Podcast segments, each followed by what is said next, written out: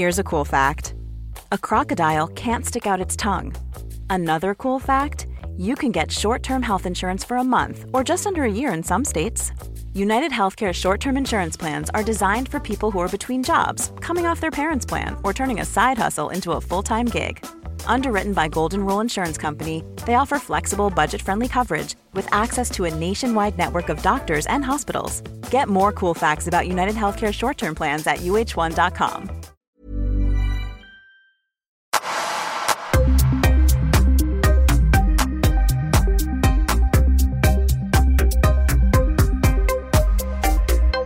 Fuchs, välkommen tillbaka till Öppet sinne. Tack så jättemycket. Du är ju det mest lyssnade avsnittet i min podd. Hur känns det? Jätteroligt. Ja, Ja, verkligen. Kul, för jag vet att det var en liten kamp där mellan dig och två stycken MMA-fighters, men du slog dem. Heja dem, men vad, vad bra då. Nej, men jätteroligt. Di- Ditt avsnitt är faktiskt det som jag, jag själv kunde se blev otroligt delat. Eh, när jag väl la ut det på min Instagram, så det var väldigt många som började dela det. Det var väldigt många som inte följer mig också, som började dela det, men ändå taggade mig i det. Eh, och det är ett av mina favoritavsnitt själv. Det var en eh, ögonöppnare för mig när du kom hit och vi pratade. Så eh, för mig har det ja, verkligen varit någonting som har fått mig att tänka till om, om väldigt mycket och just relationer och kanske dra öronen åt sig till vissa konstiga beteenden hos människor, Mm. om man säger så. Mm. Och nu är det dags för rond två. Ja, jättebra, för vi har en hel del till att prata om. Ja, men verkligen. Mm. Så jag tänkte väl bara med det här mest naturliga, vad har du gjort så här under coronatider? Ja, jag har gjort, eh, varvat ner och gjort en massa kloka saker, men en av sakerna jag gjorde, det var att jag började studera en person som jag kanske inte tycker är så jätteintressant egentligen, men jag började studera Donald Trump. Okej. utifrån just det vi pratade om sist, Ja. och utifrån ämnet. Att se hur en person med Ja, som har en väldigt stor omogenhet Mm. eh, och i en sån maktposition, hur den beter sig, det är ju väldigt fascinerande. Det han säger är ju inte en vuxen person som står och pratar där.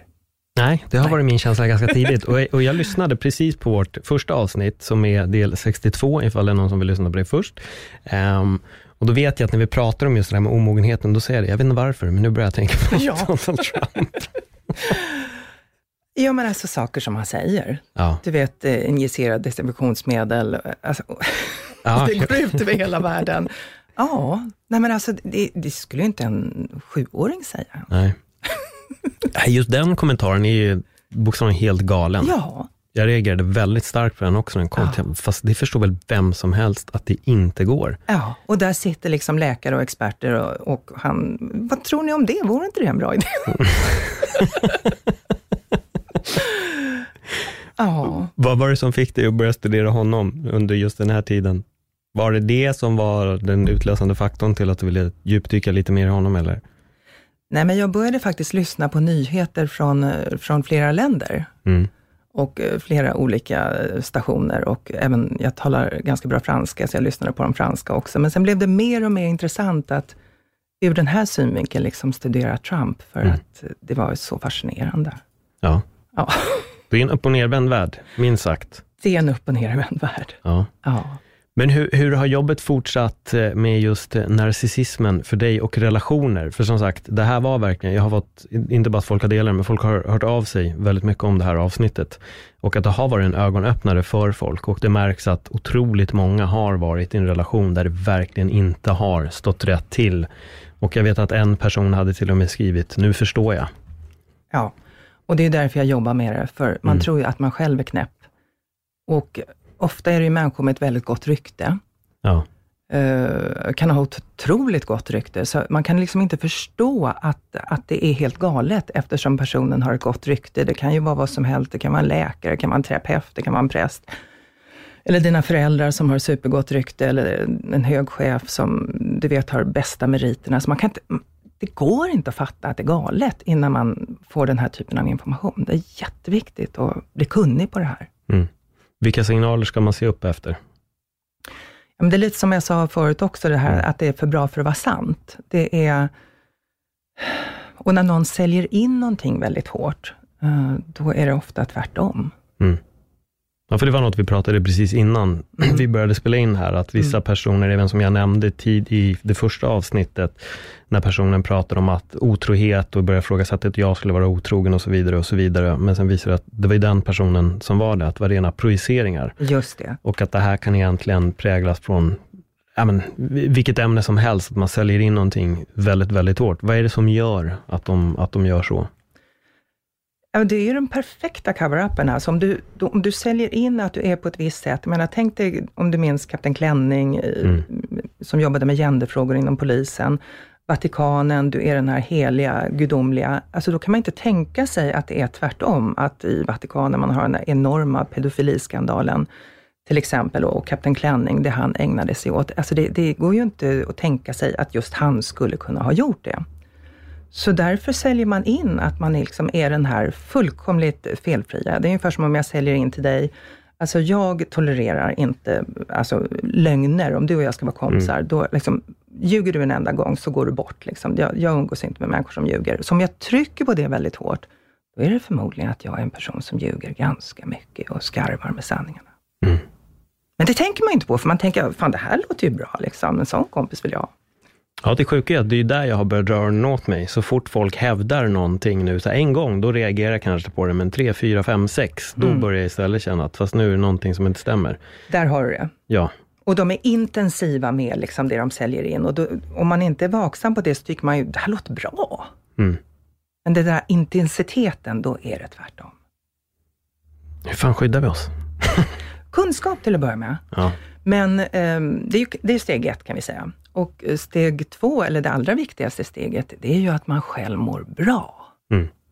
För de går ju på personer som är lite, lite ur balans, eller det är någonting som saknas, jag längtar efter en relation, eller uh, jag skulle så gärna vilja jobba på just det här jobbet, och ja, så vidare.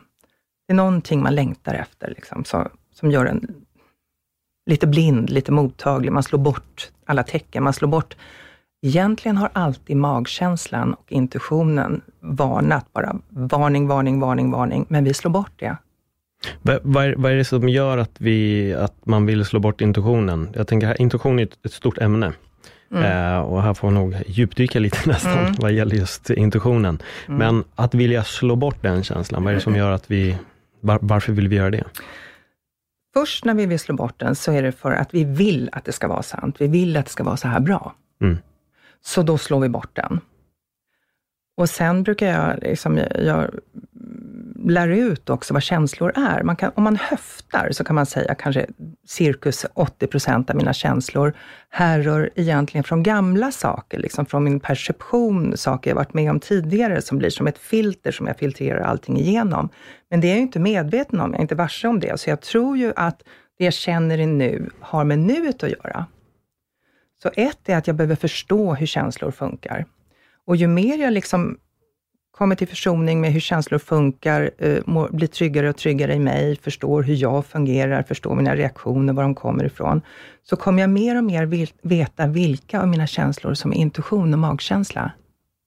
Och inte slå bort dem med intellektet. Man, man kanske känner att det här känns inte så bra med den här personen. Men så slår man bort det, men gud, den här har ju så bra CV, den här har ju så bra merit, den här har så bra, gott rykte, den här gillar ju alla. Fast man egentligen har känt att nej, det var något som inte stämde där. Mm. För det finns ju två, om vi säger då att intuitionen är magkänslan, för att mm. förenkla. Mm. Och sen har vi då huvudet, mm. som kan tala till oss. Och mm. äh, De kan ju vilja gå åt två väldigt olika håll. De här två. Mm. Hur kan man lära sig att separera på det som är huvudet som talar med en och det som är den genuina intuitionen i magen? Det luriga är att huvudet skapar ju känslor mm. också, så litar jag då på det, då blir det ju helt förvirrat när jag inte fattar att det skapas genom huvudet, genom mitt filter, genom min perception. Ja. Så det är också liksom, ju mer vi är i kroppen, vi behöver känna vår kropp, vi behöver landa vår kropp. Jag menar, att meditera, som jag har hört att du gör också, mm att vara mindful, att vara närvarande i kroppen, det gör att då kan vi lita på våra känslor. För jag kan också tänka mig att intuitionen är starkare hos vissa än hos andra. Eller? Jag skulle gissa att vi alla har samma, men vi har, vi har fjärmat oss från den och vill inte tro på den. Vi har blivit rationella och intellektuella och allt vad vi Mm. Vi tror på mindet, vi tror på huvudet. Nej, jag, jag, jag, skulle nog tänka att vi alla har samma. För jag, för jag vet att jag kan, precis när du säger det här med att filtrera, mm. där känner jag igen mig väldigt mycket. Mm. Jag är en jävel på att vilja tyda och tolka signaler och kan ibland kanske försöka tyda och tolka för mycket. Mm. Eh, så det, det, det, är väl min styrka och min svaghet på samma gång på ett sätt. Mm. Att jag kan verkligen sitta och fundera och försöka filtrera och Ja, ibland tror jag att jag, vissa gånger kan jag nog bli lite vilsen i det. Mm. Men samtidigt nu när jag har suttit och backat bandet och tittat, så har jag också insett att många gånger när jag faktiskt har känt och verkligen känt, inte bara tänkt, mm så har det sen alltid visat sig stämma. Ja. Att det har varit någonting som inte har stått rätt till. Att det ja. har inte riktigt slagit fel. Så eh, om man tänker så här då, om jag, det du sa, man, när man tolkar någonting, mm. då går det genom min perception, genom mitt filter. Men däremot om jag börjar betrakta, betrakta det som är, då kommer jag få den rätta känslan, den rätta reaktionen. Hur gör vi det? Vi behöver förstå att vi har ett tolkningsfilter, mm. som kommer från våra tidigare erfarenheter. Inom psykologi kallas det perception. Det är liksom som ett filter jag har. Så vi behöver bli mindre och mindre filterfria, när vi förstår att det jag har varit med om har gjort ett filter som kallas min perception, det vill säga ett tolkningsfilter, mina erfarenheter. Om jag hittar på någonting, vi säger att mamma och pappa var otrogna och, och bråkade jämt om det och de fortsatte vara otrogna och hej och hå. Så nu när jag träffar en partner kommer jag misstänka att han är otrogen. Mm. För att det går genom det filtret och han kanske är Pelle monogam, han liksom har inte den minsta sån tanke. Men mitt filter kommer just nu kommer göra att jag vill kontrollera honom, eh, säga att han inte får åka iväg på det här jobbet, konferensen eller vad det nu kan vara. Men det har ju gått genom mitt filter. Han talar om, men vad pratar du om? Jag är inte sån. Jag är... Du kan lita på mig, jag älskar dig. Mm. Så då behöver jag förstå att det var min tolkning som gjorde det. Och hur gör man för den personen som sitter på andra änden, som känner att, men vad fan, det här är inte jag. om den här, vi, vi ska väl in lite på narcissism och sådana ja. saker också. Så om den här personen är narcissistisk, mm. då är den övertygad om att tolkningen är den rätta. Det är därför den säger så galna saker till dig och anklagar dig för så galna saker och man börjar försvara sig. Mm. För de tror att verkligheten är filtret. Och personer med narcissistiska drag eller psykopati, olika mm, smärtsamma saker de har varit med om i livet, de, de, de går, allting går ju genom, den här, genom filtret. Mm. Det är därför de kan slå en person som är oskyldig, eller ah, behandla den djupt illa, anklagar den för saker, fast det kan vara världens schysstaste person som inte har gjort något och vill dem väl. Mm. Det är därför man blir helt galen att vara med dem. Man försöker förklara sig, försvara sig. För, för jag tänker lite här också, för, för samtidigt finns det personer som har en, liksom, ska säga då, en narcissistisk tendens, mm. men inte är en narcissister. Absolut. Hur särskiljer vi dem? Om man förenklar så ska det ju inte vara de här tokerierna. Nej. Så man behöver inte hålla på och gradera. Det är ungefär som att sätta grader i helvetet. Alltså är det tokigt så är det tokigt. Mm. Det är det vi behöver lära oss, för ibland kan ju en del börja liksom forska i narcissism. Nej, jag tycker inte, det är inte check på alla punkter. Men strunt i det, är det tokigt så är det tokigt. Du ska inte vara i något som är destruktivt. Nej. Och om vi går in på narcissister på arbetsplats då? Mm. För det här kan jag ju tänka mig kanske är lite svårare. Ah. Det är inte enkelt i relationer heller uppenbarligen, men eh, jag tänker att det kanske är lite svårare att, att se ah. på det sättet. Och det är ju så manipulativt, det är det här när det går under radarn. Det går liksom inte att ta på, men man bryts sakta ner. Mm. Och när man känner att man börjar må dåligt, det är därför vi behöver vara i vår kropp och känna våra känslor.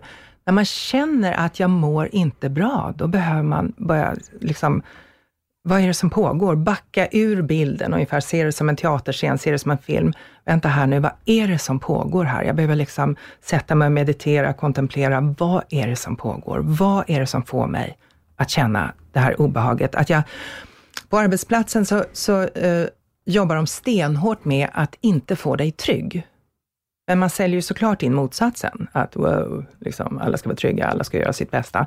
Men det går ut på i narcissism att du aldrig ska vara trygg. Mm. För de är ju i amygdala, i reptilhjärnan och tänker att att man presterar bättre när man inte är trygg. Och de har mer makt över dig om du inte är trygg. Men man tänker ju inte att någon är så. Det kan ju vara en person med jättebra rating som chef och allt möjligt, som man bara, eh, den här har ju vunnit massa priser och berömmelser, de skriver om den i media. Så man får inte ihop det, liksom, så man tänker att det är ju en bra chef. Mm. Alltså jag fick upp väldigt många personer här just nu, mm. eftersom att det är, det är ganska mycket som cirkulerar i media. Och, men mm. framförallt har vi ju Epstein-skandalen ja, till exempel, ja. som blir bara mm. större och större och större och större. Visst. Och där verkar ju vara en grov narcissism på ett sätt, ja. när man ser honom också, hur han nästan vill, jag vet inte om du har sett när han blir förhörd, Ja, inte då, just det. Då vill han vända på ja. det. Ja, jo, och börjar ungefär dumförklara då advokaten som, ja. som ställer frågor ja. mot honom, att han vill vrida Exakt om det här. Exakt så gör han. Alltså man känner sig dum om man säger sanningen. Ja. Och man börjar tro att jag kanske är lite korkad. Alltså det är så obehagligt manipulativt. Mm. Och de har ju sån hybris och sån karisma och bara tittar en rakt in i ögonen och bara, lilla du. Mm. Uh. och så en person som han då har ju sagt sig i en sån maktposition. Vi hade ju Låt mig tänka, Geijerskandalen i Sverige var ju motsvarande. Och nu är du så ung så du kommer inte ihåg det, men då var det en kvinna som var typ bordellmamma, bodde någonstans på Östermalm, såg ju till att känna alla politiker och hej och hå. Och, eh, så hon visste ju, mig kommer ni inte åt. Var inte det när hon gjorde en film om? Jo, jag kommer inte på vad den hette just nu, den var väldigt ruggig. Ja, den har jag sett. Det ja, utspelar sig någon gång på 80-talet? Ja, va? den är smärtsam, ja. filmen. Man, man, ja, man, blir, man gråter när man ser den. Det är barn som ja. bor på hem och blir utnyttjade för väldigt obehagliga saker med gamla gubbar, politiker och så vidare. Men, eh, nu, oj, det hade nästan glömt bort den här mm. filmen. Nu börjar mm. små minnen eh, väckas. Jag komma vad den eh, heter, men, ja, om den. Va, va, vad var det som var runt den här, alltså det, det, du tog upp, mm. men hur, hur avrundades allt det här? Vad var det som gjorde att det kom, kom fram? Och... Oh, jag kommer inte ihåg alla detaljer. Men, eh, oj, vad var det som gjorde att det kom fram? Det var inte en av tjejerna som började berätta helt enkelt. Jo, så kan det vara. Och de hade liksom, helt plötsligt hade de pengar där på häng, hemmet. De borde inte ha de här pengarna. Nej. Och sen börjar man, liksom, men det var ju ingen som, ingen tror på sådana här tjejer. Det är därför man kan göra vad man vill. Det var ju, Kapten Klänning gjorde ju samma taktik. Ja. Det är därför man också kan göra saker med ensamkommande barn och så. De har ju ingen att vända sig till. Nej. Eller omhändertagna barn. Man kan göra, liksom, eller, eller placerade barn. Fosterhem har vi ju mm. hur många skandaler som helst.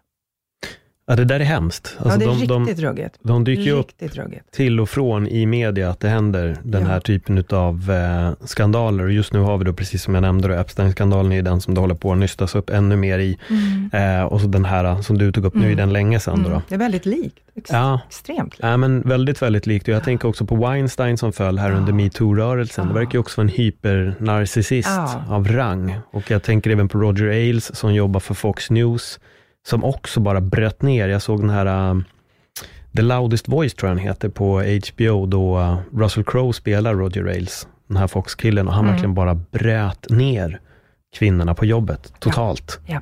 Och de varit helt förstörda. Ja. Helt förstörda. Men jag förstår inte vad det är de vinner på det själva. Är det bara eh, tillfredsställelse ja, att krossa Ja, det är tillfredsställelse. Nej, men om man tänker så här, var, varför håller de på att krossa människor? Ja, men de är ju det andligaste perspektivet av det, alltså det djupaste perspektivet, eh, det mest psykologiska perspektivet, det är att de har ett sånt självförakt. Mm. Så att de projicerar ut det hatet på andra. Det är de ju inte medvetna om. Det är därför de skapar narcissismen, hybris, liksom, att de är enastående. Liksom, mig kommer ingen åt, jag är skitbra. Bakom det ligger ett monumentalt självförakt, ett självhat. Alltså de är ruttna, de är helt värdelösa på grund av deras hjärnas tolkning av saker de har varit med om, svek och trauman i uppväxten. Mm. Och det vill de skada andra med. Så först höjer de dem till skyarna eller groomar dem på olika sätt och sen knäcker man. Och det är ju det människor är med om i kärleksrelationer också. Man förstår ingenting. Gud, vi var ju århundradets kärlekssaga. kärlekssaga. Vi var soulmates, vi var bästa vänner, vi hade så kul. Vi bara fanns där för varandra och det kunde inte vara bättre. Det här var den finaste personen jag träffat i hela mitt liv. Eller kompis kan det också vara, eller ja, kollega. Och sen börjar personen knäcka mig. Mm. Man, man hänger inte med. Nej. Hur skulle det bli om två narcissister träffar varandra? Ja, det är många som trodde så här, liksom, nej men då händer det väl ingenting. De tänder ju inte på varandra, det blir väl ingen energi. Men det kan bli riktigt långvariga relationer. Så de har lite olika prägel på sin narcissism. Så mm. en kommer ändå vara lite under, men kämpa att komma, försöka komma upp. Eh, så, så det, är, det kan bli stor passion, eh, mycket hat, mycket bråk. Mm. Och de kommer vara överjävliga mot eh, om de har barn ihop eller om de kommer med barn från respektive sidor. Alltså de kommer skada så många och X kommer skadas å det grövsta. Mm. Men de kommer också skada varandra. Ja. Men det kommer vara stor passion. De, kommer, de, de kan hålla länge, de relationerna. Ja, det är, det är helt sjukt. Kanske en match made in heaven då? Precis, or hell. Ja, på Tinder. Narcissist söker narcissist. Ja, det, då skulle vi bli av med dem. Ja, men det, det, det, är så lurigt det där, för det är ju verkligen svårt. Alltså jag tänker just det ja. att träffa någon, lära känna någon. I början så, alltså även om man ses tio gånger så känner man inte varandra alls. Utan det, det, det, ju mer man ses, desto mer lär man ju känna varandra. I början så faller man ju bara för en visuell attraktion mm. mer eller mindre, eller att man har skrivit eller sagt några saker som har låtit bra. Eh, men samtidigt är det, sen är ju vissa sjukt skarpa och kan skicka in alla möjliga intressanta saker som gör bara att det här intresset växer och växer och växer. De pejlar ju in precis vad du gillar, vad du tycker mm. om, vad, du, vad som bara får dig att bara bli wow. Och så är de den personen. Och det är så skickligt gjort, så de är som kameleonter. Mm. Och när man kommer ur en sån relation, då inser man, äh, men vad fasen, jag har varit kär i en person som inte finns. Mm. Det är en väldigt bra insikt när man får den. För den personen de sålde in som man blev tokkär i, den finns inte. De är den personen de är, det vill säga den här personen utan empati, som inte kan älska, som skiter fullkomligt i dig, som inte har något samvete. Det är ju inte en person man blir kär i, Nej. såklart. Så man har blivit kär i en illusion. Alltså de är mästare på att sälja in att de är någon de inte är. Ja, det var lite det vi tog upp sist där också, de man faller för, för skådespelet. Ja, men precis. Helt enkelt, att det är den man blir, blir kär i. Och men de är så autentiska mm. när de är i det. Och det känns ju, som, vi, som jag nämnde för dig förut också, som de är i nuet. Mm. För de är så närvarande. Men de är inte i nuet på riktigt, det bara känns som de är i nuet. För om man är i nuet på riktigt, liksom, nu tänker den zen-buddhistiska medveten närvaro i nuet, då har det liksom ett, det även ett konsekvenstänkande. Du är inte i reptilhjärnan, de är i reptilhjärnan, i amygdala, när det känns som de är i nuet. För de skiter faktiskt i framtiden, för de, det de gör har ingen hållbarhet över tid. Mm. Och det finns inget konsekvenstänkande. Men de är så intensiva i nuet, så att man tror, wow, den här personen är helt närvarande. Jag måste lära mig bli lika närvarande som den här personen. Jag måste ha mediterat jättemycket för att vara så här närvarande. Alltså man får helt fel bild. Och jag tänker lite, när det här är relationen är slut, man har kommit till insikten precis som du nämner. Eh, och då tänker jag lite också, vad är det som gör egentligen att vi, det känns som att vi människor många gånger är benägna att falla för drama. När det bara rullar på och är bra, det är inte lika spännande, men så fort det blir ett litet problem, jag menar varenda bok bygger egentligen på att det är ett problem, varenda film bygger på att det är ett problem. Och jag tycker oftast när man hör att folk har fallit lite extra, det finns lite problem där i. Vad fan är det som gör att vi är så otroligt... Varför vill vi ha problem? ja. Väldigt enkelt, och det är faktiskt så enkelt, men vi tänker inte att det kan vara så enkelt. Mm. Det är, vi har varit med om saker tidigare i livet, där det inte var helt okomplicerat. Man kan ha en pappa som drack, eller en mamma som var otrogen, eller pappa som flyttat till ett annat land, eller mamma som blev deprimerad, alltså vad som helst. Så det var, lite, det var inte helt harmoniskt där. Och då är jag så präglad av det.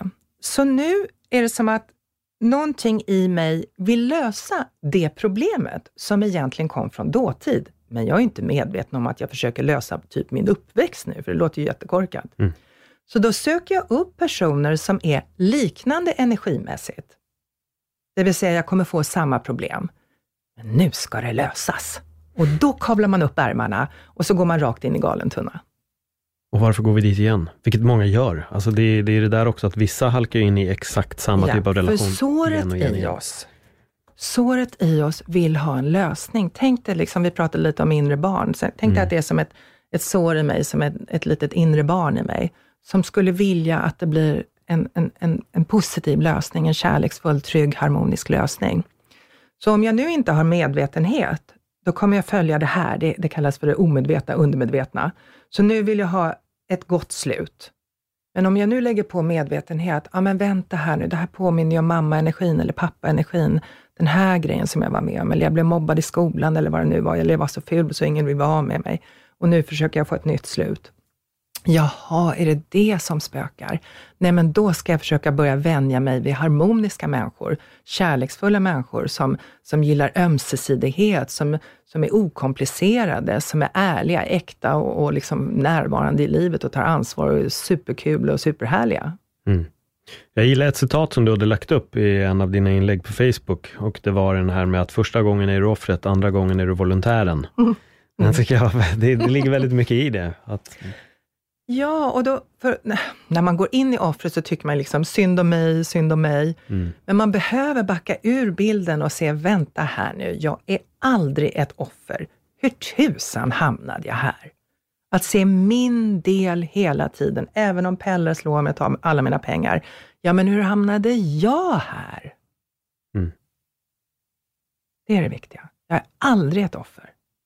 Jag tänker lite då när vi, för det var också en sak som du hade skrivit om det här med att bli nedbruten. Mm. Eller när man har nått botten. Mm. Rättare mm. sagt, och i en sån här relation kan man ju väldigt många gånger nå botten. Oh, och ja. det här går även hand i hand med att egentligen bara nå botten, även om man inte har en relation. Så det här går ju att applicera på, på väldigt mycket. Mm. Och det There's never been a faster or easier way to start your weight loss journey than with plush care. PlushCare accepts most insurance plans and gives you online access to board-certified physicians who can prescribe FDA-approved weight loss medications like Wigovi and Zepbound for those who qualify.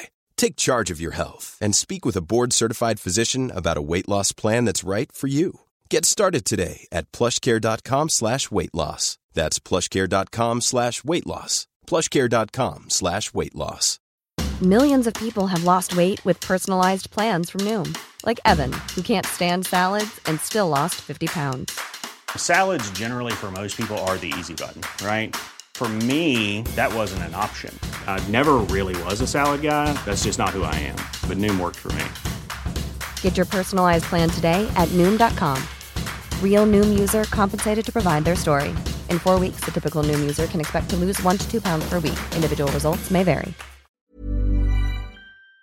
Lite om att, men, bygga upp sig själv igen. Eh, vad behöver vi göra där? För det här är något som jag vet att väldigt många har svårt med.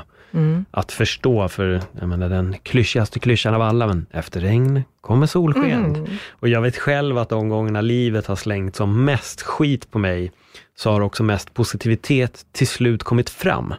Eh, vilket har förvånat mig väldigt mycket, men det har också gjort att jag har börjat tänka varje gång, okej, okay, nu är det dåligt, men fan vad bra det kommer bli sen. Eh, men det är inte så lätt för alla att kanske tänka så. Och första gången jag var där, då kunde jag ju absolut inte tänka att det kommer bli bra sen, utan då var det ju bara jobbigt. Exakt. Men hur gör vi? Så om vi börjar tänka att det finns en gåva med allting, man bara, nej, det är väl ingen gåva med det här och det här, liksom. Mm. Jo, det finns en gåva med allting. Att liksom bara ha ett helt annat mindset. Det finns en gåva med allting. Det här jag är med om nu kan jag lära mig en massa saker av som gör att jag utvecklas, blir mitt allra bästa jag. Men ta bara en sån enkel sak som coronatider. Hur kan något så negativt ha något positivt? Massor av positivt. Mm. Om jag tittar på mig personligen, liksom, jag har haft tid att meditera, kontemplera, fundera, varva ner. Alltså det är så positivt. Sen har ju absolut massa människor dött och hett jättesmärtsamma saker, absolut. Men att låta sig utvecklas av vad det än är. Att ha det mindsetet. Alltid. När du ändå är inne lite på det här med corona, det också tänker det är många som säger att det här kanske till och med är ett stort uppvaknande för mm. folk. Och det är lite det du fingrar på. Absolut. Mm. Tänk vad vi får möjlighet att tänka till här. Hur vill jag leva? Hur vill jag ta ansvar för planeten? Jag menar, är vi i vårt narcissistiska jag, jag, jag, egot, då mm. skapar vi pandemier. Jag menar, det är ju hur vi har levt med djurhållning och så, som har skapat det här. Om vi vill blunda och bara köra ekonomiska intressen och jag, jag, jag, jag skiter i hur det är för gener några generationer framåt, struntar väl jag i, bara det är okej när jag lever. Mm. Ruggigt, så kan vi inte tänka. Då skapar vi finansiella världskriser, pandemier och så vidare. och så vidare. Ja, det där är något som jag har tänkt på just lite det där med att många lever verkligen, eh, det blir så paradoxalt här också, att säga att många lever för nuet, medan Mhm. det är inte riktigt sant. Men det jag menar där är att väldigt många lever bara i att jag tjänar fett med pengar just nu, jag skiter egentligen i vad som händer. När jag är död, det spelar liksom ingen roll. Jag har dragit in det här, I don't give a fuck. Och och just politiskt är väl det jag syftar på här nu med dem det ska brännas ner massa skogar i Amazonas och bara rena galenskaper. Att Ja. det är väldigt få som tänker på, ja men kanske faktiskt natur och hur hela systemet bara funkar. Och det är ju egot, det Ja. är rädslostyrt, jag är amygdala. Och det, det är ju liksom fullkomligt icke-vuxet. Mm. Och det är ju ett narcissistiskt drag. Ja. Så när narcissistiska drag kommer in i politiken och, och i företagande, då blir det ju kortsiktigt tänk. Jag tänker lite, för det var också något vi pratade om när vi pratade på telefon du och jag. Det var det här narcissister som blir i princip ja, men sektledare i brist på bättre Ja. ord. Det finns ett gäng sådana Mm. dokumentärer. Nu hade inte du sett den jag Jo, nämnde. men jag kollade sen. Du gjorde det, Holy Hell. Ja. Ja, vad, vad tyckte du? Vänta, nu måste jag tänka. Det var två stycken. En, och vad hette de då? En Alamo, var det han? Uh, jag kommer inte ihåg vad han heter i Holy Hell, men det var han som ville Kar- filma Kagesh, massa... Karesh. Han, han ville filma massa... David Karesh. Så. Ja. Nej, David Koresh är Waco. Karesh. Ja, jag kollade båda dem. Okej. Mm. Vad, vad, vad tyckte du om dem? Ja, men det är ju precis så. Ja. Det är ju precis så. Alltså, när man söker sig till någon form av andlighet och som blir en sekt, men vi har ju Knutby, ja. och vad var det, du nämnde den där också, eh, Holy Hell eller någon annan? nej men eh, Osho. Osho också. Ja. Och eh, hur snurrigt det blir när Ja. man liksom blundar och, och kör och Det som fascinerar mig där, det är Mm. att det är så otroligt många som går på det och bara helt blint Ja. följer. ja. För det var ju de här också, eh, Haleys komet har jag för mig att det var. Mm. Eh, de som, ja, men de, de kapade väl könsorganet på sig själva, männen då. Kvinnorna tror jag inte gjorde någonting så konstigt, men Mm. männen gjorde ju det. Och sen tog ju alla livet av sig. De var inte en stor grupp, det var en Mm. mindre, de max Mm. tio Mm. personer tror jag de var. Mm. Eh, men, men det blir ju bara så, alltså det blir så galet Mm. och hur man bara lyssnar helt, litar blint egentligen på en enda person. Ja.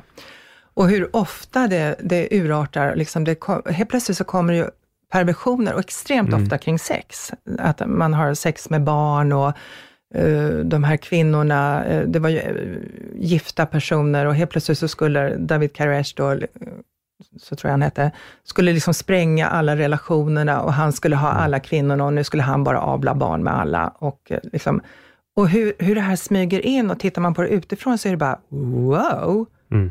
Alltså märkte de inte? Och unga flickor som skulle bo på något bordellliknande som han bara skulle ha som ja, sina pedofilikvinnor. Alltså, och, och ingen reagerar.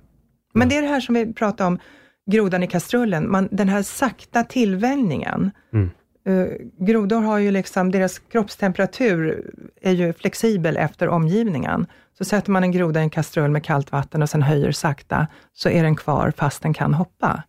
Och det är samma tillvänjning, det går liksom sakta, men du måste först från början ha en, det här som jag brukar kalla lite rått, en för hög toleransnivå till bullshit. Alltså du har varit med om smärtsamma saker, så du har redan för hög toleransnivå. Mm. För annars reagerar man ju, en person som är i balans och haft en trygg uppväxt reagerar ju direkt, men vad är det som pågår? Gud, jag ska polisanmäla dem, det här är ju sjukt. Mm.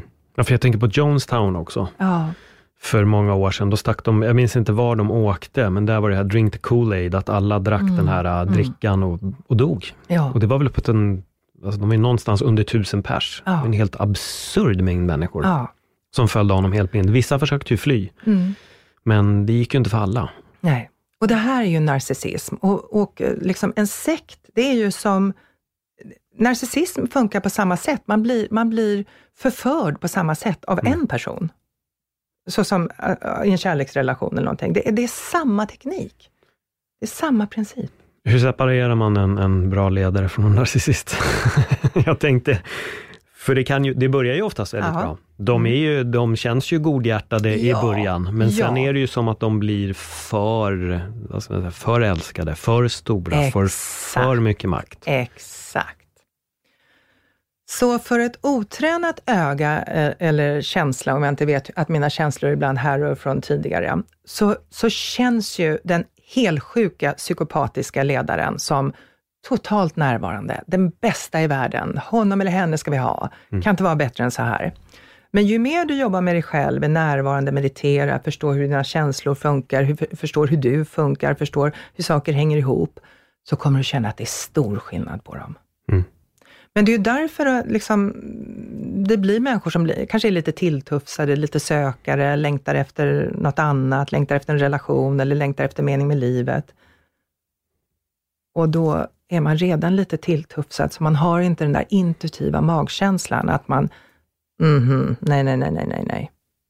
För det jag reagerar på lite när du tar upp det här också, det är ju den senaste tiden så det är ju en, det är svårt att veta vad som är vad när det gäller informationen vi får, speciellt nu under coronatider och det cirkulerar ju otroligt mycket konspiratoriska eh, ja, galenskaper rent ut sagt på, på nätet och jag har märkt att väldigt många faller för det. Det har blivit så absurt. Igår var det någon som delade en bild och så ser man Obama någonstans och så står en text, det här är han i ett labb i Kina.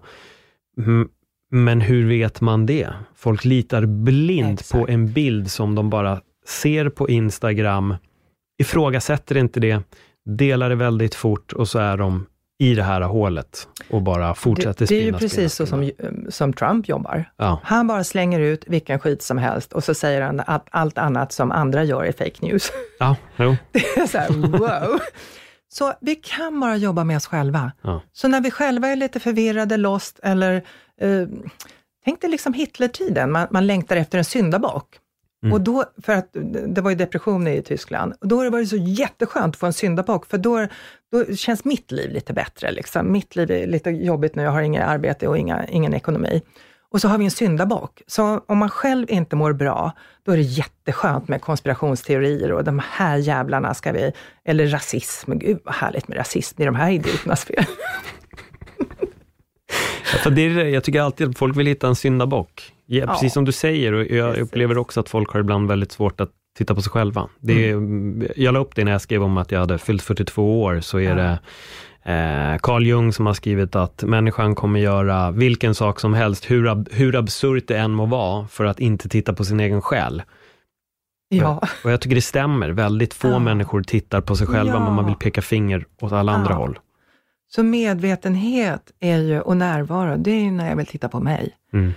Och när jag bestämmer mig för att jag vill sprida gott i världen, jag vet att du är lite intresserad av Mm. stoicism också. Ja, jag skulle och komma in på det. Otroligt intressant och fantastiskt. Liksom. Eh, att, att göra det som är gott för världen, att liksom gå ur "Men det här är bra för mig, mig, mig, jag, jag, jag, och så låtsas jag att jag bryr mig om andra, fast jag inte gör det. Mm. Utan, eh, vad är bra för världen? Det gynnar ju också mig. Hur upptäckte du stoicism? Jag tror filosofiska rummet på P1. Nej, jag kommer inte ihåg, men jag hade hört om det innan, men sen lyssnade jag på ett bra program där. Ja. Är det något speciellt som du har fastnat lite mer för? Jag är, har läst väldigt mycket och läser Ja. fortfarande om det. Ja, Jag gillar både Seneca och Aurelius. Det är väl de Ja. som jag har läst mest, om och jag läser just nu eh, Seneca som kortheten om livet, tror jag den heter på svenska, Okej. On the shortness of life. okej. Där han går igenom väldigt bra delar. För det var Ja. där du också skrev att Seneca, jag hade lagt upp något, Ja, det, och det ja, stämmer. Just det med precis. att ta vara på tiden istället för Ja. pengarna. Ja, Och att vi är väldigt dåliga på att leva i nuet. ja. Och det, alltså, det finns ju hur mycket bra som helst därifrån. Jag Ja. menar, det finns ju ett uttryck som är amor fati. Mm. Och det är ju egentligen att, liksom, att älska nuet. Och då, jag, jag jobbar ju med en mängd olika tekniker som tar en till nuet och ifrågasätter tankarna, ifrågasätter perceptionen och övertygelser vi har. För jag behöver ju lära mig älska nuet. Var jag än befinner mig, även om det är jättesnurrigt i nuet nu. Jag kanske är i något superdestruktiv, eller jag kanske är alkoholist, eller vad som helst. Jag behöver älska nuet, acceptera att det är så här nu, för att kunna göra klokt framåt. Hur jobbar du? Dela med dig av de här hemligheterna som du precis sa lite om. Att, Men jag eh, jobbar bland annat med en metod som heter The Work. En Mm. kvinna som heter Byron Katie, en amerikansk kvinna, som mådde, hon var affärskvinna, började må dåligt och missbrukade allt hon kom över och till slut mådde hon så dåligt så hon var superdeprimerad och ja, i princip inte ville leva. Och ur det så kom, ungefär som för Eckart Tolle, det kom liksom ett uppvaknande. Att hon insåg att, men gud, det är mina tankar som skapar det här. Mm. Det är hur jag tolkar verkligheten. Eller jag vill inte att verkligheten ska vara som den är. Och så hittade hon en otroligt enkel metod som bara ifrågasätter tankarna. Så om jag tar en tanke, om en tanke skapar stress, så är det alltid en tanke som inte är sann. Men det vet man ju inte. Man tycker så här, Trump borde inte vara president. Eh, men han är ju det. Nej, men han borde ju inte vara det. Hur, kan, hur, kan, hur kunde de välja honom? Är de in- dumma i huvudet? Eh, ja, men han är ju vald. Han är ju president. Så mindet tänker att det inte borde vara som det är. Mm. Men det är ju så. Amor fati igen. Så metoden då ifrågasätter, då får man fråga sig, är det sant att han inte borde vara president? Ja, han borde inte vara president. Han är ju dum i huvudet. Så får man fråga två, kan jag verkligen veta att det är sant? Och så får man gå in i sig själv, så kanske man kommer på, nej men vänta här nu, det kanske inte kan vara sant att han inte är president när han ju är det. Okej, det var som tusan, så min tanke var inte sann alltså. Men hur reagerar jag när jag tror på den här tanken? Mm. Och så ser man vad det kostar mig. Jag blir förbannad, jag skriver hatiska grejer på nätet, jag blir stressad, jag blir olycklig, jag tror inte på framtiden, jag börjar trappa tron på mänskligheten, jag måste dricka ett glas extra vin, eller, och så vidare. Och så vidare, och så vidare. Och sen får jag frågan, vem skulle jag vara utan den här tanken? Den här tanken är ju för det första inte sann.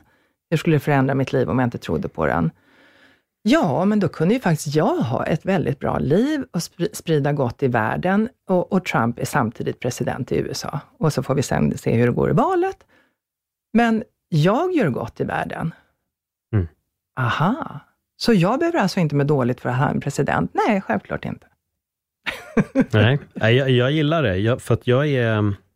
Det här med tankar är väldigt intressant. Mhm. Just varför tänker vi som vi tänker? Mhm. Vad är det som gör att just de här tankarna kommer upp eh, nu? Jag hade min vän Helene Olsson var med i min podd här för några avsnitt sedan och då sa hon att vad är egentligen tankar? Mina tankar kan lika gärna vara dina tankar. Du har tänkt det jag har tänkt. Ja. Så vad är det egentligen? Ja, Och, och jag tycker det är ganska bra det här med att kanske istället som hon också sa, att ja, men jag, jag observerar mina tankar. De, de är där, Exakt. men jag behöver inte låta dem konsumera mig, vilket Förut har mina tankar konsumerat vi- mig väldigt mycket ibland. Jag har blivit bättre på att börja förstå att det här är mina tankar bara. Det är inte min sanning. stort. För min kompis sa också en sån otroligt bra grej till mig, det var att man börjar tänka och så hittar man alla svar och det är sådana perfekta lösningar på allt. Men det är egentligen bara mitt huvud som har hittat på det och ingenting är sant. Exakt. Och det ligger så mycket i det.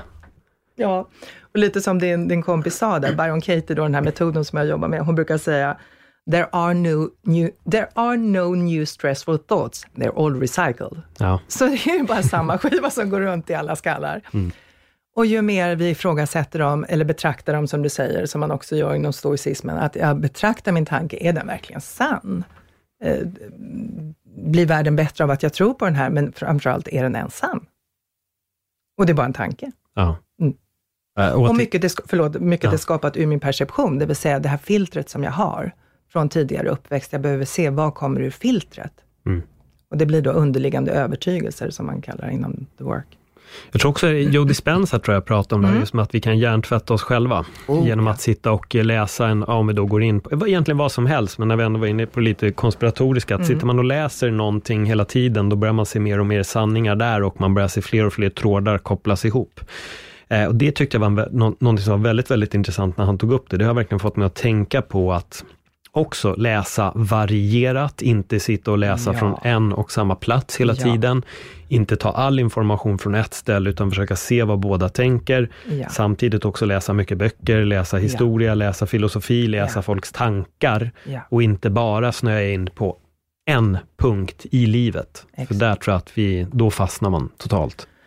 Och vi behöver ta det ansvaret lite som du var inne på, att vi behöver förstå att vi påverkas genom alla våra sinnen. Mm. Så om jag vill leva ett sunt liv så behöver jag gå mot sunt, eh, leva med ansvarsfulla, härliga, närvarande människor.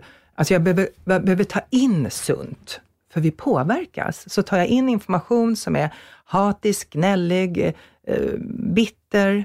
Det påverkar mig. Så vi har ett jättestort ansvar att medvetandegöra, vad tar jag in genom alla mina sinnen? Mm. Men även liksom lukt, ögon, hörsel. Vad tar jag in? Jag behöver ta in harmoni, glädje, positivitet, skönhet.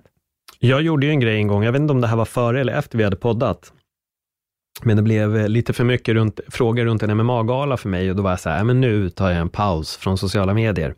Jag tog en paus i en månad. Det enda jag gjorde var att jag la upp podden. Det var absolut det enda jag gick in. Jag gick in varje dag, Tuck, här är den och sen slä, jag hade tagit bort apparna från mobilen. Mm. Alltså jag mådde otroligt bra. Ja.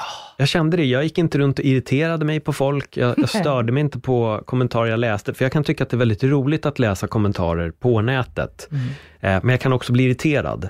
Däremot så har jag verkligen lärt mig att inte gå in och diskutera med folk på nätet längre. Så jag ställer mig alltid frågan, när någon lägger upp något, så ställer jag mig frågan, kan jag ändra den här personens tanke? Har jag något att vinna på att gå in i en diskussion här? Ifall någon av dem är nej, då skiter jag totalt i det. Då låter jag det bara vara. Mm. Och det har hjälpt mig jättemycket, för jag har märkt att otroligt många vill in och förändra. För jag vet att min kompis sa till mig också, men om du inte säger vad du tycker och tänker, då censurerar du dig själv. Så här, fast det gör jag inte. Nej. Jag väljer bara mina krig då. då. Ja. Att, är det, får, jag, får jag ut något av att prata med en person på nätet? Får jag verkligen det? Nej, det kommer jag inte få. Personen kommer tycka exakt samma sak och jag kommer tycka mitt och den personen får tycka det den tycker, för i grund och botten, rent stoicistiskt, jag skiter fullständigt i vad personen tycker och Exakt. tänker. Det är en sån myt. Jag måste ju försvara mig. Mm. Eh, varför då? Vad ska jag in där och göra? Jag har, vill hellre ha kul. Ja. Men det är galet hur påverkade vi blir av, av sociala medier. Ja, för tänk dig att det, det är en försvarsinstinkt. Mm. Alltså rent primitivt så känns det som att jag måste ju försvara mig. Den här personen kan ju inte säga att Hitler är bra. Eh, Jag bara drog till med någonting, men du förstår vad jag Ja. menar. Eh, så instinktivt, så nu behöver jag liksom, oh, backa ur det här, vänta här nu, ska jag in i det här, hitta, få, så att det blir ett mellanrum. Och jag brukar säga det så här, att eh, aggressiva personer, narcissistiska personer, psykopater och så vidare, obalanserade personer, det är som att de gillrar fällor. De säger så knasiga saker som man bara, "Nej, men det här tänker inte jag tolerera, det här är så dumt. Mm. Det är ju fällor. Det är för att de säger det mest knasiga tänkbara för att du ska trilla i fällan och börja försvara dig, förklara dig. Mm. Det är små fällor som bara, nej, nej, nej, dit ska jag inte. Ett litet narcissistparadis sociala medier egentligen. ja. Det är väl därför det finns så mycket troll ja. Mm. som bara är där för att hålla på och diskutera. Ja, men det är ju som tänkte fotbollshuliganer, alltså man hittar bara ett ställe där man kan få vara arg och ta ut sitt hat, Ja. som egentligen är självförakt. Ja. Tänk om de visste att det var självförakt. Då vore det inte lika sexigt. Nej, så är det verkligen. Men, men jag tycker det är intressant, för du jobbar ju också en hel del med meditation, säger Mm. du. Oh ja. Ehm, Jag tänker lite nu om man kan använda sig utav en eh, någon form, jag vet inte, metod eller vad det nu är, för att kanske bara få en bättre balans och börja se signaler, tolka saker. Lite det vi har varit inne lite Mm. på redan, men om man kan ge några verktyg till det här. Ja, men det finns ju jättemånga, bland annat det jag nämnde där, den här metoden The Work, det är faktiskt en meditation där man ifrågasätter sina tankar och det är jättelätt att söka upp på nätet, jag håller kurser i det om man vill lära sig mer. För när man ifrågasätter tankarna så kommer man till nuet, till total närvaro i nuet. Så har man ettriga tankar, då är det till exempel en jättebra meditation. Men sen har du ju mindfulness, att bara kontemplera, att bara liksom bara stanna upp och betrakta mina känslor, betrakta mina tankar. Mm. För vi är ju slav under våra tankar, vi är slav under våra känslor. Lite som du var inne på innan, att vänta här nu, det här är ju bara en tanke. Eller, vänta här nu, det här, nu har jag den här jättestarka känslan att det känns obehagligt att vara här med Paul. Vänta nu, kan ju inte härröra från Paul, det måste vara något annat som spökar och så vidare. Så att jag börjar förstå, och det är ju, då är jag i meditation och den kan jag göra med öppna ögon och stängda ögon. Men det är liksom som de gamla, gamla grekerna, man kontemplerar, man, man låter saker landa. Eh, man gör sig själv mer vis, mer närvarande, en förståelse. Medvetande, medvetandegöra. Mm. Att vara i medveten närvaro i nuet. Jag såg ett väldigt bra litet citat alldeles nyss, verkligen innan du, innan du kom hit Mm. på, på Instagram som var i stil med eh, du kommer prata mest med dig själv i hela ditt liv. Se till att säga snälla saker. Ja, ja men exakt. Sådana där brukar jag lägga upp också. För, nej men det, jag behöver ju vara snäll mot mig jämt. Ja. Och man tänker så här, ja men det är väl narcissister bra på? Nej, nej, nej, nej. nej. Mm. De hatar sig själva och därför låtsas de tycka om sig själva. Mm. Men vi behöver tycka om oss själva på riktigt. För då är det det jag sprider i världen. För om jag talar vänligt till mig, jag, jag, är min egen bästa vän eh, på riktigt, och jag säger jättesnälla saker till mig och eh, jag vill förstå mig, jag stöttar mig. Eh, ja, men vänta, ja, det var det här som hände, men nu förstår jag varför det kändes så. Det blir bra. Jag brukar till och med pussa på mig själv. Nej, men att vara sin egen bästa vän, att vara superfin mot sig själv. För då är det ju det jag sprider i världen. Om jag inte ens kan vara det mot mig, så hur ska jag kunna vara så mysig mot miljön, mot andra, mot mina kollegor, mot min familj, mot min partner och så vidare. Nej, jag, ty jag tycker det ligger väldigt mycket i det, just det här med att kunna alltså, älska sig själv. Jag tror det Mm. är svårt. Många, många har svårt för det. Och det är Där- därför också folk halkar in då i en dålig relation, som Exakt. kanske bekräftar den självbilden man har. Exakt. Att det behöver vara lite dåligt. Och återigen, vi kan komma in lite på det igen, det, det handlar ju om min anknytning, alltså Mm. det jag har varit med om tidigare. Så har det varit lite smärtsamt svek, och det behöver inte betyda att föräldrarna har varit onda på något Mm. sätt, men de kanske var oförmögna eller adopterade bort mig, eller mamma var deprimerad fast hon älskar mig. Alltså, saker har hänt som har gjort att hjärnan har tolkat in att jag inte är liksom riktigt värd kärlek, att jag inte duger som jag är. Och det här behöver vi medvetandegöra, för vi vet inte ens att vi har sådana tankar oftast. Men det finns det enkla processer att få fram vilken självbild jag har. Och det- är ganska lätt att få fram när man har en billighet. Mm. Och då kan man bli förvånad, men oj, jag har inte så himla fin bild av mig. Narcissisten till exempel, och psykopaten, har ju lagt på en fantastisk bild av sig själv för att stå ut med att de tycker att de är värdelösa ruttna. Men att våga titta på, oj, har jag en liten tilltufsad självbild här? För det gör att jag kommer gå till personer som inte kommer behandla mig bättre än den självbilden. Så det är ingen slump om jag hamnar med narcissistiska personer, chefer, kärleksrelationer, vänner. Utan det kommer från vad jag har för undermedveten eller medveten bild av mig själv. Ifall man vill eh, få hjälp av dig, Mm. eh, hur går man till väga då? Var, var, var hittar man dig någonstans? Eh, Ja, men många läser mina texter och så på Facebook. Jag har en sluten sida där, så man kan få texter till del helt gratis. Och sen håller jag ju kurser och, och eh, privata sessioner också. Mm. Så jag har en hemsida och det är bara mitt namn. Eh, ja, jag, som sagt jag bjuder på mycket gratis, men vill man ta itu med saker på allvar, så är det ju jätteklokt då, Mm. att gå på både kurser och ta enskilda samtal. Jag kommer länka till, till båda i eh, poddbion, Mm. så tycker jag att man ska söka upp dig i sådana fall, Så om man välkommen. behöver den, den hjälpen och den eh, guidningen. Ja, Alltså återigen, tack för ett jättebra samtal Yvonne. härligt. Det- Jätteglad att vara här. Ja, men det är alltid roligt att, uh, att sitta och prata med dig, även om det är både inte så roliga saker Nej. man alltid pratar om. Men det är bra att de kommer fram. Jag tror Ja. att det här blir, som jag sa, det första avsnittet var en väckarklocka för, uh, för väldigt många och jag hoppas att det här blir samma. Och Ja. att man passar på, om ni inte har hört första avsnittet, så lyssna på det. Det är nummer 62 i, i ordningen, så, så lyssna in. De hänger ihop, så det kan Mm. vara klokt att lyssna på båda. Verkligen, Mm. det tycker jag. Härligt. Tack ännu en gång för ett bra samtal. Eh, jag kommer länka till allting i bion, så gå in där. Om ni gillar det ni har hört, så dela den jättegärna på era sociala medier. Följ även mig på sociala medierna, att Elvaje hittar ni. Och ja, prenumerera på podden. Tack för den här gången och ta hand om er. Hej då!